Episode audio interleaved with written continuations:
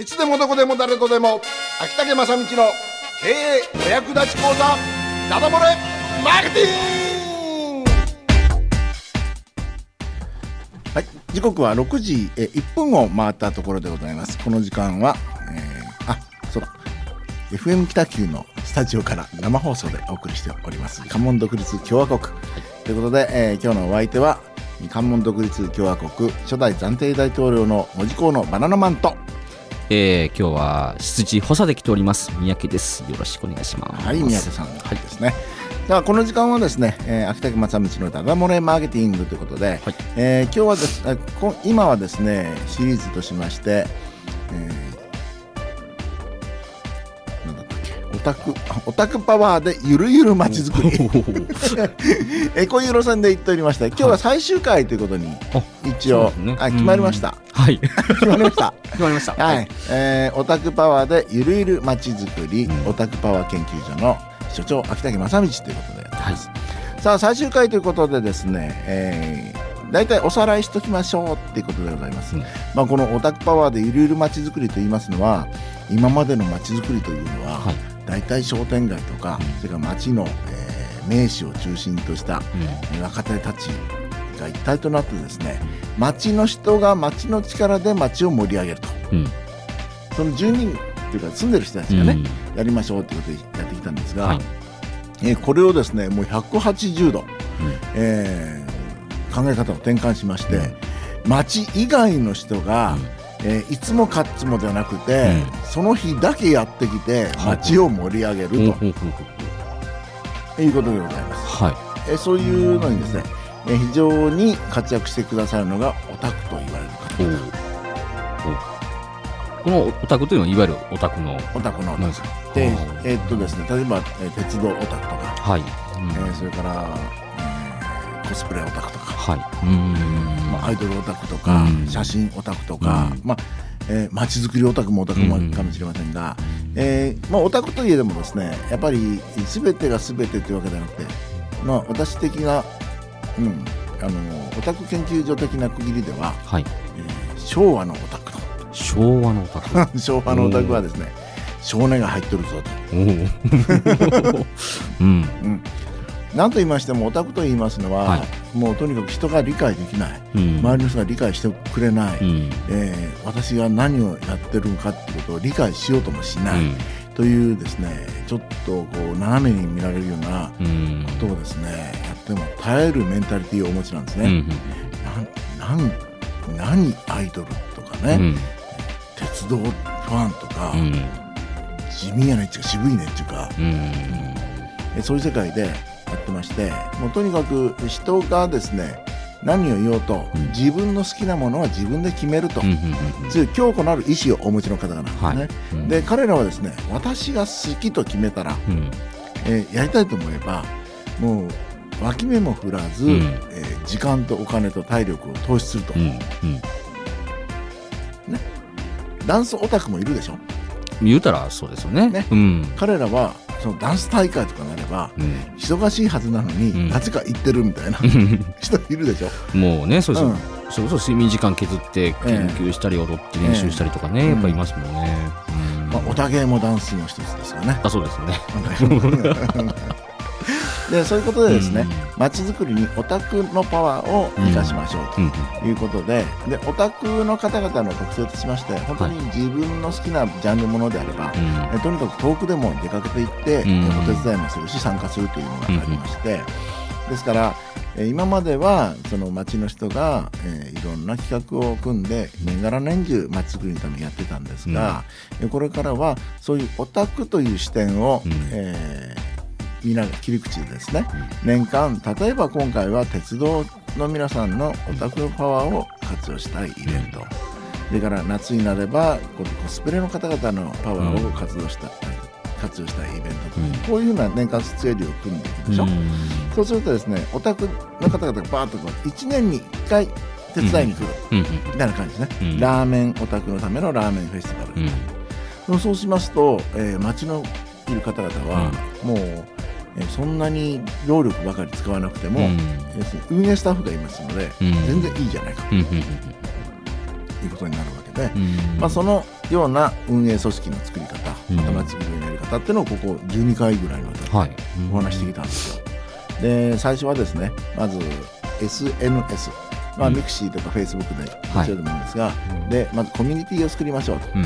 コミュニティあるいはフェイスブックページ。うん。グループえこの辺りでオタクを切り口とした、えー人集めをしましょうということなんですが、まずはこう町の名前をつけてね例えばうん門司港コミュニティとか、はい。うん。えーそれから、えー北九州なんとかとかうん。いうのを作りましてそこに集まってきた人えーそれをですねえー町づくりに燃えようぜということで,、でその中から6人ぐらいですね、うんまあ、大体100人ぐらい集まってきましたらはい。6人ぐらいの、うん。えー集まりの会決起集会みたいなのをやうん。ります、6人では大丈夫もちろんそれ10人のやつもいいんですよね、はい。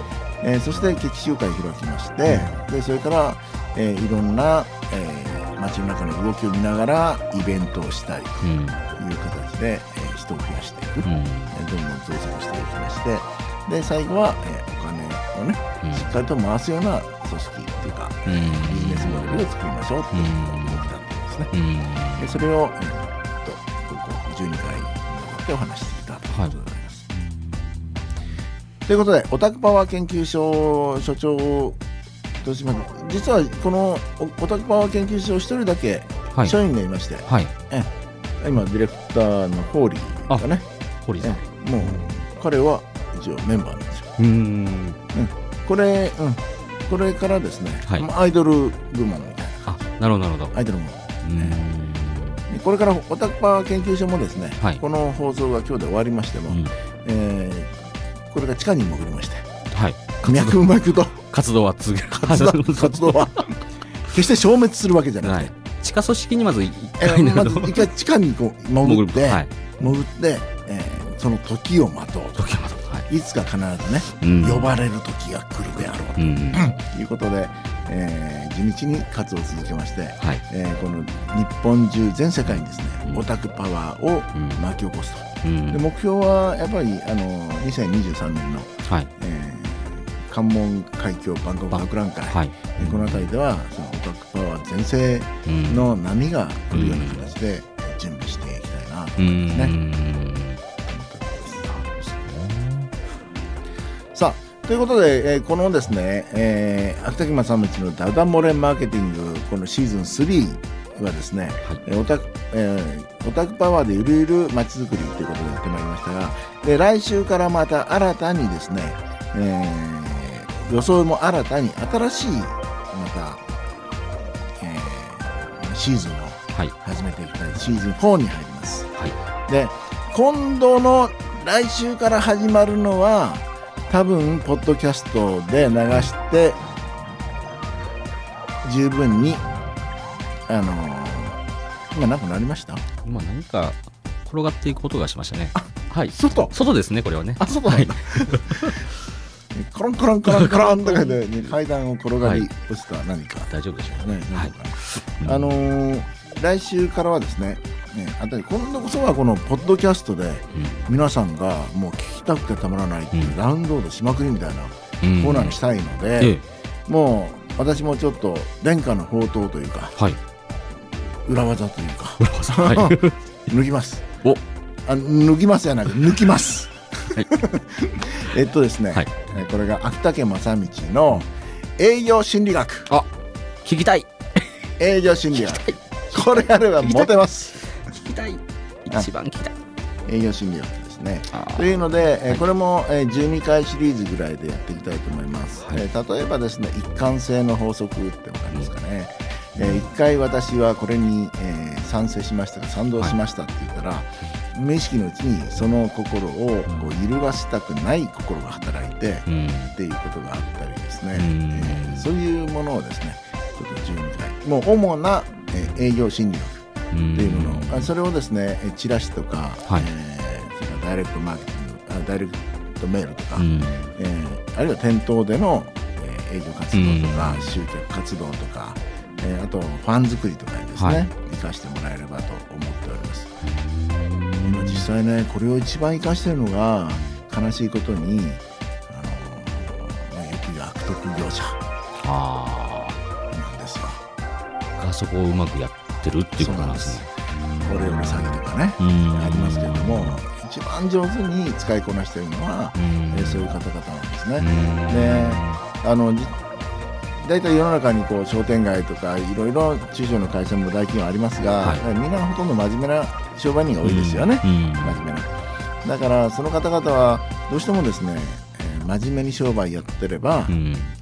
そのうち噂が広まって、うん。口コミが起きてきっと紹介も起きてうん。繁盛するっていうふうに教えられて、うん。えー来てるわけですけど基本的にはそういうことはあまりないわけで、うん。えー口コミとかは自分でプロデュースしなきゃいけうないし、んでも悪徳業者の方々はもともと販売してるものが粗悪品だと知ってるんですね、うん。騙しだとか、うん。あの詐欺だとういうん。認識があるわけですから、うん。本来何も誰も買ってくれないし、うん。それからリピートしてくれないし、うん。それから紹介してくれないし、はい。うん。悪い口コミ流してくれるっていうぐらいうん。知ってるわけですよ。うん。だからこそそんな売れないものをいかに売るかって勉強してるんですね。なるほどなるほど。うんだから真面目な商売人がそれを勉強すればこんないいことないじゃん。そうですよね。世の中のためになって。うん。でそういう業者を駆逐するって。うん。いうね。そうですね。売り上げを上回っていけば。ですよね。正しい商売の方が。うん。本当はちゃんとした商売の方がうん。売れば泣かずに済むものうが、ん。えそれが、えー営業力販売力がないために、うん。他のまあ悪徳系の方にってしまってお金使って泣いてしまうって話ですから、だからまあこの営業営業心理学ですね、はい。これを本当に活用しているのはそういう方々、うん。悪徳業者の人たちなので、えーなかなかですねこういう営業心理学はい。まるでお客様を手のひらの上で転がすような、えーその心理操作みたいなイメージを受けられる方がいらっしゃるかもしれないですがそうじゃない。うん。そうじゃなくてやっぱお客様心理顧客心理っていうのうん。をしっかりと、えー見るうん。また知識を蓄えてですね、で、えーお客様との健全なる楽しい関係を、うん。えー作っていただきたいっていうのが趣旨でございますので、えー来週は来週からですね、はい。しばらくその営業心理学というものをはい。お伝えしたいと思っております。はいこれは期待も持てますかね？はいもうぜひ聞かせていただきますえはいポッドキャストも真面目にのアップすると思いますんで。はいえーということで、えー秋田県町の道のダダ漏れマーケティング、えーゆる、えーとオタクパワーでゆるゆる街づくりのお時間でした。